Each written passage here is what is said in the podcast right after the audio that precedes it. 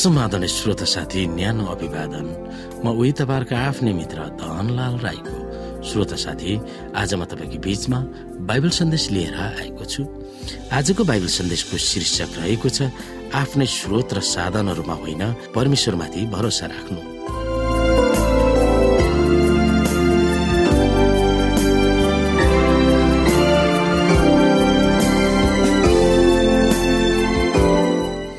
श्रोता परमेश्वरको प्रिय पात्र राजा दाउदले उहाँमाथि भरोसा राख्नु भनेको के हो? सो जान्नु पर्ने थियो। उनको मित जोनाथनबाट उनले यो सिक्नु परेको थियो कि मानिसहरू धेरै होस् वा थोरै होस् परमेश्वरमाथि भरोसा राख्यो भने उहाँले विजय दिनुहुन्छ पक्कै पनि। परमेश्वरको सहायताले सावल राजाको छोरा जोनाथन र उनका केही अस्त्र बोक्ने साथीहरूको सहायताले फिलिस्तिनको शिविरमा रहेका सबै शत्रुलाई कसरी नाश गरेका थिए भन्ने विवरण हामी एक समेल चौध अध्यायमा हेर्छौँ। यहाँ इजरायलको इतिहासको त्यो अनुभवको बावजुद पनि जब कठिन परिस्थितिको सिर्जना भयो तब राजा दाउदले आफ्नो बल र रणनीतिमा भरोसा राखेको चाहेको शैतानको जालमा उनी परेका कुराहरू हामी हेर्न सक्छौँ। आउनु श्रोता एक इतिहास एक्काइस अध्यायलाई हामी हेरौँ। दाउदले किन इजरायलीहरू वा उनका सिपाहीहरूको निम्ति बिन्ती गर्ने निर्णय गरे? उनको सेनापति युवापले त्यसप्रति किन असहमति देखाएका थिए? हामी यहाँ एकदेखि हेर्न सक्छौ। शैतान इजरायलको विरुद्ध उठेर दाउदलाई आफ्नो प्रजा गण्नलाई सुर्यायो। यसैले तिनले युवाप र आफ्ना फौजका अधिकृतहरूलाई बेरसेवादेखि दानसम्मका इजरायलीहरूको जनसङ्ख्या लिएर तिनलाई बताउने भनी आदेश दिए। युवापले जवाफ दिए परमप्रभुले आफ्ना फौजलाई सय गुणा बढाइदिउ कि हजुर अझै तिनीहरूका राजा र सबै मानिसहरूका हजुरका दास हुने छैनन् र? हजुरले किन त्यसो गर्नुपर्छ र? तपाईँले इजरायलीमाथि किन दोष ल्याउनुहुन्छ? तर राजाको वचनले युवापको कुरालाई रद्द पारिदियो। तिनी हिँडी गए र इजरायल भरि घुमे।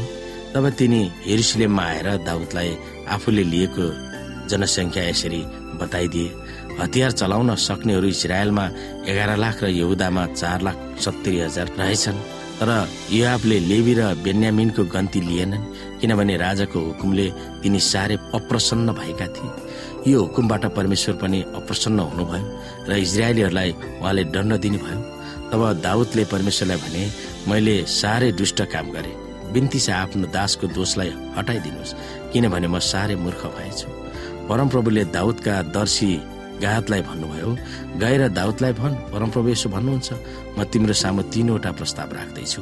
ती मध्ये एउटा छन् छान र म त्यो तिमीमाथि ल्याउने छु यसैले गाद दाउद कहाँ गएर यसो भने परमप्रभु यही भन्नुहुन्छ एउटा चुन तीन वर्षको अनिकाल तीन महिनासम्म तेरा शत्रुहरूद्वारा सताइनु र उनीहरूका तरवारले त खेदिनु। अथवा सारा देशमा विपत्ति ल्याउने परमप्रभुका आफ्नो तरवार परमप्रभुका दूतद्वारा इजरायलका सबै इलाकाहरू विनाश ल्याउने काम।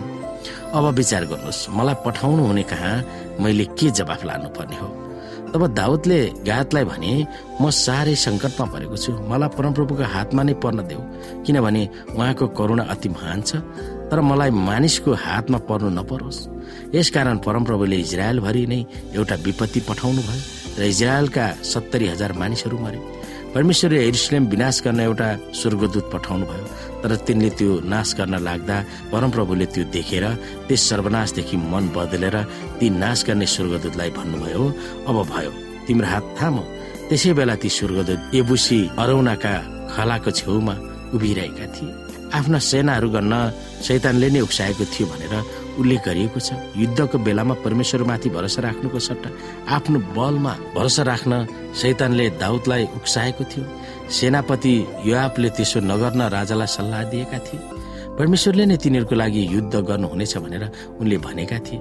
तर आफू राजा भएको हैसियतले मानिसहरू गर्न उर्दी दिए उनको त्यो कामले इजरायलमा विपत्ति ल्याएको थियो भनेर बाइबलले बताउँदछ। श्रोत साथी परमेश्वरमाथि बेकारमा कसैले पनि भरोसा राख्दैन।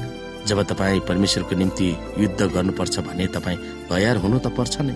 त्यो पनि लापरवाही साथ होइन तर बडो कौशलता साथ। बेलायतको प्रधानमन्त्री ओलिभर क्रमबेल पन्ध्र सय उनासेदेखि सोह्र सय अन्ठाउन्नमा युद्ध गर्न जुन भन्दा अघि आफ्ना सैनिकहरूलाई यो आदेश दिएको थियो। भाइहरू हो परमेश्वरमाथि तिमीहरू भरोसा राख र तिम्रो बन्दुकहरू तयार गरिराख।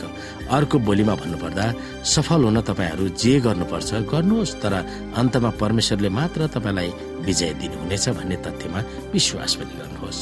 वर्तमान परिप्रेक्ष्यमा हाम्रो सरकार हाम्रा ब्याङ्कहरूमा भर पर्न सजिलै छ तर प्रत्येक सङ्कट मानिसहरूले सामना गरेर परमेश्वरमा भरोसा राखेर उहाँको इज्जत राखे उहाँले सहायता उपलब्ध गराउनु भएको थियो भनेर बाइबलले बताउँदछ।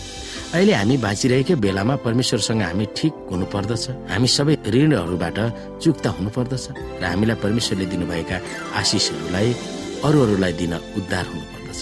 एउटा पुरानो भजन छ यदि हामीलाई परमेश्वरको खाँचो कहिले भएको छ भने पहिले नै छ। अन्त्यमा श्रोता हामी आर्थिक अवस्थामा सुरक्षित हुने काममा लाग्नु र परमेश्वरमाथि भरोसा राख्नु यी दुई कुरामा हामी कसरी सन्तुलन राख्न सक्छौ त्यो विषयमा हामी सोच्न सक्दछौँ।